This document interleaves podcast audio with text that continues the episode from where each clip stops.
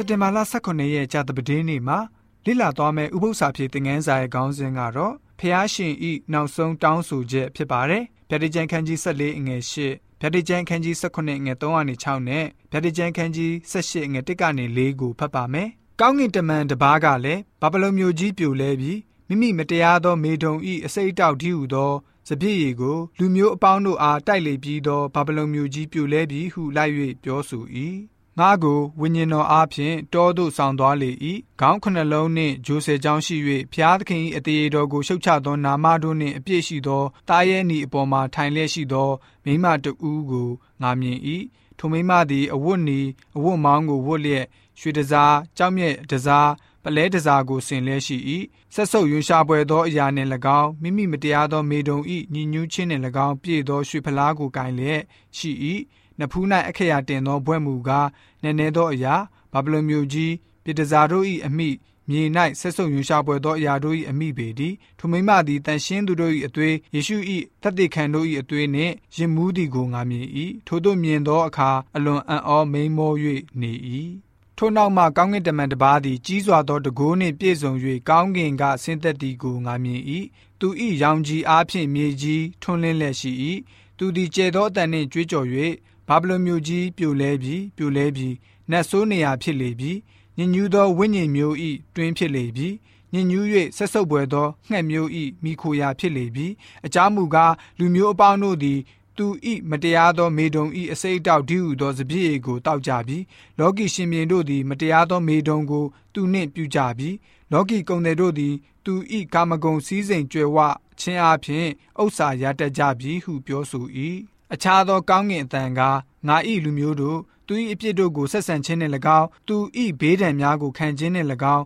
ကင်းလွတ်အပ်သောငါသူ၏အထဲကထွက်ကြလော့ဆိုပြီးတော့မှဖော်ပြထားတာတွေ့ရပါတယ်။ဗျာဒိတ်ကျမ်းမှာဆိုရင်ဘာဗလုန်ဆိုတဲ့စကားလုံးဟာမှားယွင်းတဲ့ဘာသာရေးအကျင့်ထုံးတမ်းတွေကိုလူတွေကျင့်သုံးတာကိုခေါ်ဆိုတာဖြစ်ပါတယ်။လူတွေတီထွင်ကြတဲ့မီယိုဖလာတွေ မှားယွင်းတဲ့တွင်တင်ချက်တွေကိုယဉ်ညွှန်းခြင်းသာဖြစ်ပါတယ်လူတွေကိုသာမြောက်စားတယ်လူတွေရဲ့အတ္တဖြောင့်မတ်ခြင်းသဘောကိုသာဦးစားပေးတယ်ယေရှုရှင်ထဲမိမိတို့ရဲ့အပြစ်နဲ့ပြည့်နေတဲ့အတ္တကိုပို့ပြီးတော့အမွန်းတင်ကြတာတွေ့ရပါတယ်လူသားဖြစ်တဲ့ဘာသာရေးသင်ကြားသူတွေရဲ့ပြည့်ညက်ချက်ကိုဖျားသခင်ရဲ့ပြည့်ညက်တော်ထက်ပို့ပြီးတော့အလေးထားတာကိုတွေ့ရပါတယ်ဘာဗလုန်ဟာရုတ်တုကိုးကွယ်ခြင်းအလုံးရဲ့ဌာနချုပ်ဖြစ်ပါတယ်နေကိုးကွယ်မှုဝိညာဉ်မသေးနိုင်တဲ့တန်တရားလည်နေတယ်ဆိုပြီးတော့တွင်တင်တဲ့ သင်ကြားခြင်းမျိုးတွေဖြစ်ပါတယ်။အဲ့ဒီမှားယွင်းတဲ့တွင်တင်ခြင်းဒလိအကျင့်တွေဟာရှေးခေတ်ဘာဗလုန်ဘာသာရေးမှာဝိပုကူးကွယ်တဲ့နေရာမှာကျင့်သုံးတာကိုတွေ့ရပါတယ်။အသက်ငယ်နေတဲ့ကျွန်တော်တို့ရဲ့ကဘာကြီးဟာဖျားသခင်ရဲ့နောက်ဆုံးနေ့ရဲ့သတင်းစကားဖြစ်တဲ့ယေရှုရှင်နဲ့သူ့ရဲ့ဖြောင့်မတ်ခြင်းအကြောင်းကိုတွင်တင်ပေးနေပါတယ်။ကောင်းကင်က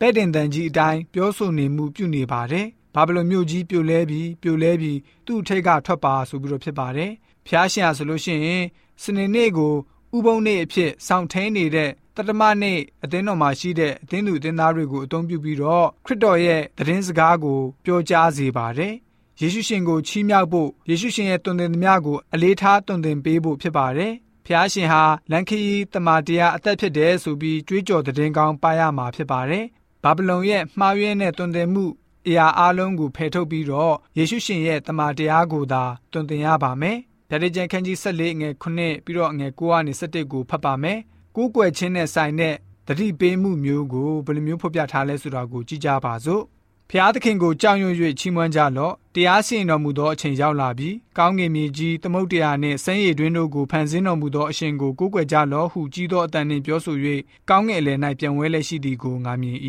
။ထို့မှတပါတတရကောင်းကင်တမန်ကအကျဉ်သူသည်တားရဲနှင့်သူ၏ရုပ်တုကိုကိုးကွယ်၍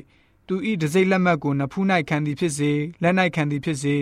ထိုသူသည်ဖျားသခင်၏ဒေါသဖလား၌လောင်းသောအမျက်တော်စပြည့်ရည်စစ်ကိုတောက်ရလိမ့်မည်တန်ရှင်းသောကောင်းကင်တမန်တို့ရှေ့တိုးတငယ်ရှေ့တွင်ကန့်နှင့်ရောသောမိထဲမှပြင်းစွာသောနှင်းဆဲခြင်းကိုခံရလိမ့်မည်ထိုနှင်းဆဲခြင်း၏တကိုးသည်ကဘာအဆက်ဆက်တက်လျက်ရှိ၏ တားရဲနှင့်သူ၏ရုပ်တုကိုကိုးကွယ်၍သူ၏နာမတစိ့လက်မှတ်ကိုခံသောသူတို့သည်နင်းညမပြတ်တက်တာမရကြဟုလိုက်၍ကြီးသောအတန်နှင့်ပြောဆို၏ဆိုပြီးတော့ဖော်ပြထားတာတွေ့ရပါတယ်။ဗေဒကြံခန်းကြီး14ဟာမတူညီတဲ့ကိုးကွယ်ခြင်းနှစ်မျိုးကိုဖော်ပြထားပါတယ်။ဖန်ဆင်းရှင်ကိုကိုးကွယ်ခြင်းနဲ့တားရဲကိုကိုးကွယ်ခြင်းဖြစ်ပါတယ်။အဲ့ဒီကိုးကွယ်မှုနှစ်မျိုးလုံးဟာဆိုရင်ဖျားရှင်ကိုကိုးကွယ်ခြင်းနေ့ရက်ဝန်းကျင်မှာဗဟိုပြုလုပ်ထားကြပါတယ်။ဖဖျားရှင်ကိုကိုးကွယ်ခြင်းနေ့ရက်ဆိုင်ရာမှာ မှန်တဲ့ဥပုံနေ့ဖြစ်ပြီးတော့တာရဲကိုကိုးကွယ်တဲ့နေ့ကြတော့အစားထိုးအတူပြုလုပ်တဲ့နေ့ဖြစ်ပါတယ်။ဥပုံနေ့ဟာနားနေရနေ့အာမခံပေးတဲ့နေ့လုံခြုံစိတ်ချရတဲ့နေ့ဖန်ဆင်းရှင်ကနေကွယ်ကာဆောင်မပေးတဲ့နေ့ဖြစ်ပါတယ်။ရွေးနှုတ်ရှင်ကနေကာကွယ်ပေးတာနဲ့